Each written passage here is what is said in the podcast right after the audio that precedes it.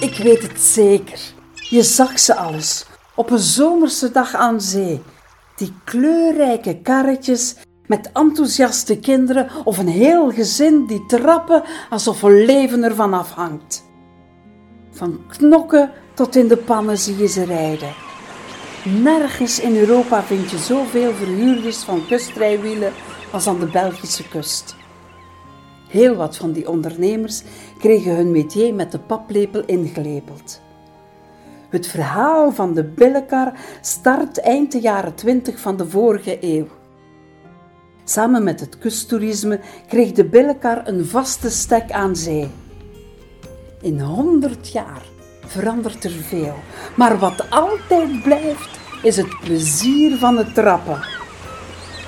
Met de zeewind in de rug ontdek je het verhaal achter deze kleurrijke traditie.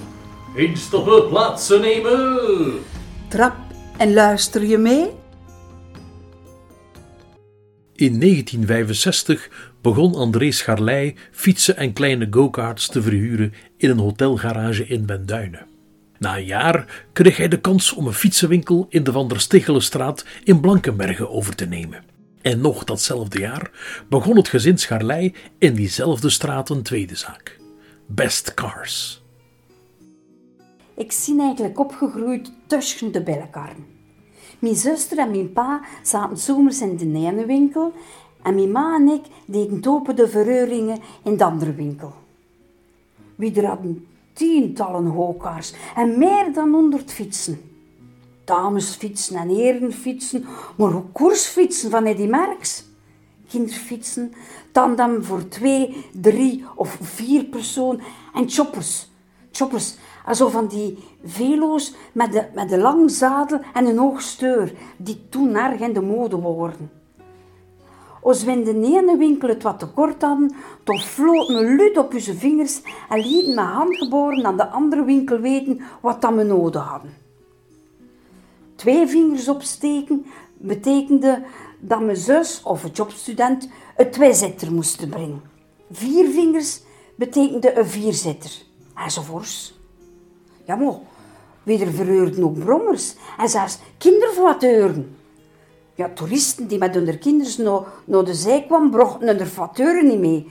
En dus dan weer dat ook in hun aanbod.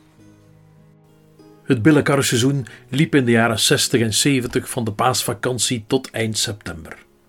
Traditioneel kwamen er in april altijd grote groepen Engelsen naar de kust. De Engelse schoolkinderen waren gek op go-karts. Ze stonden van snijs te zes naar klaar voor go-kartsturen. Kun je dat geloven?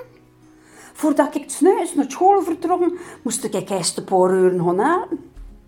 Dat worden zotte tijden. In mei en juni kwamen er stief veel grootouders met hun kleinkinderen naar de kust.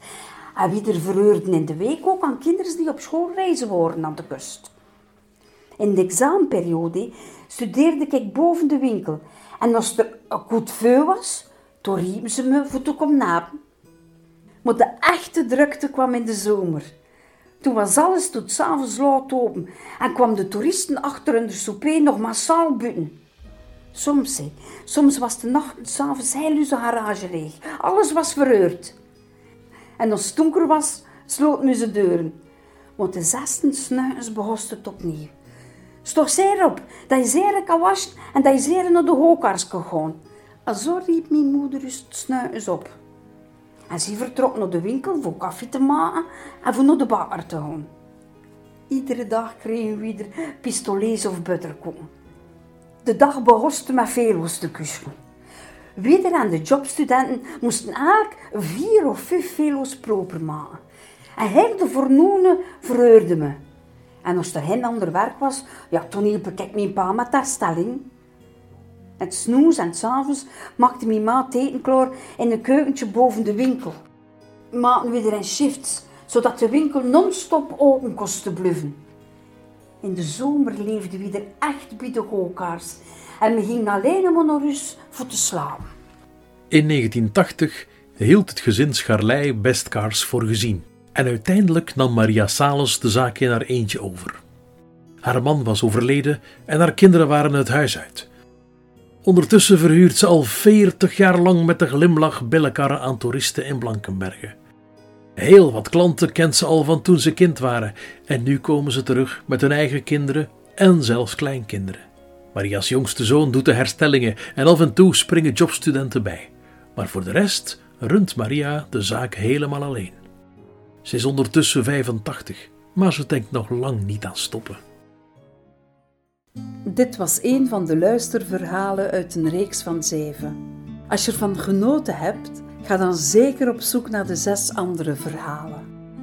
De luisterverhalen en het project Trappen aan Zee zijn een initiatief van de erfgoedcel Kusterfgoed, die zich inzet voor het roerend en immaterieel erfgoed in Middelkerke, Oostende, Bredene, De Haan en Blankenbergen. Naast de luisterverhalen is er ook nog het boekje Trappen aan Zee, de tentoonstelling en het billenkarrenspel. Meer info vind je op de website www.kusterfgoed.be.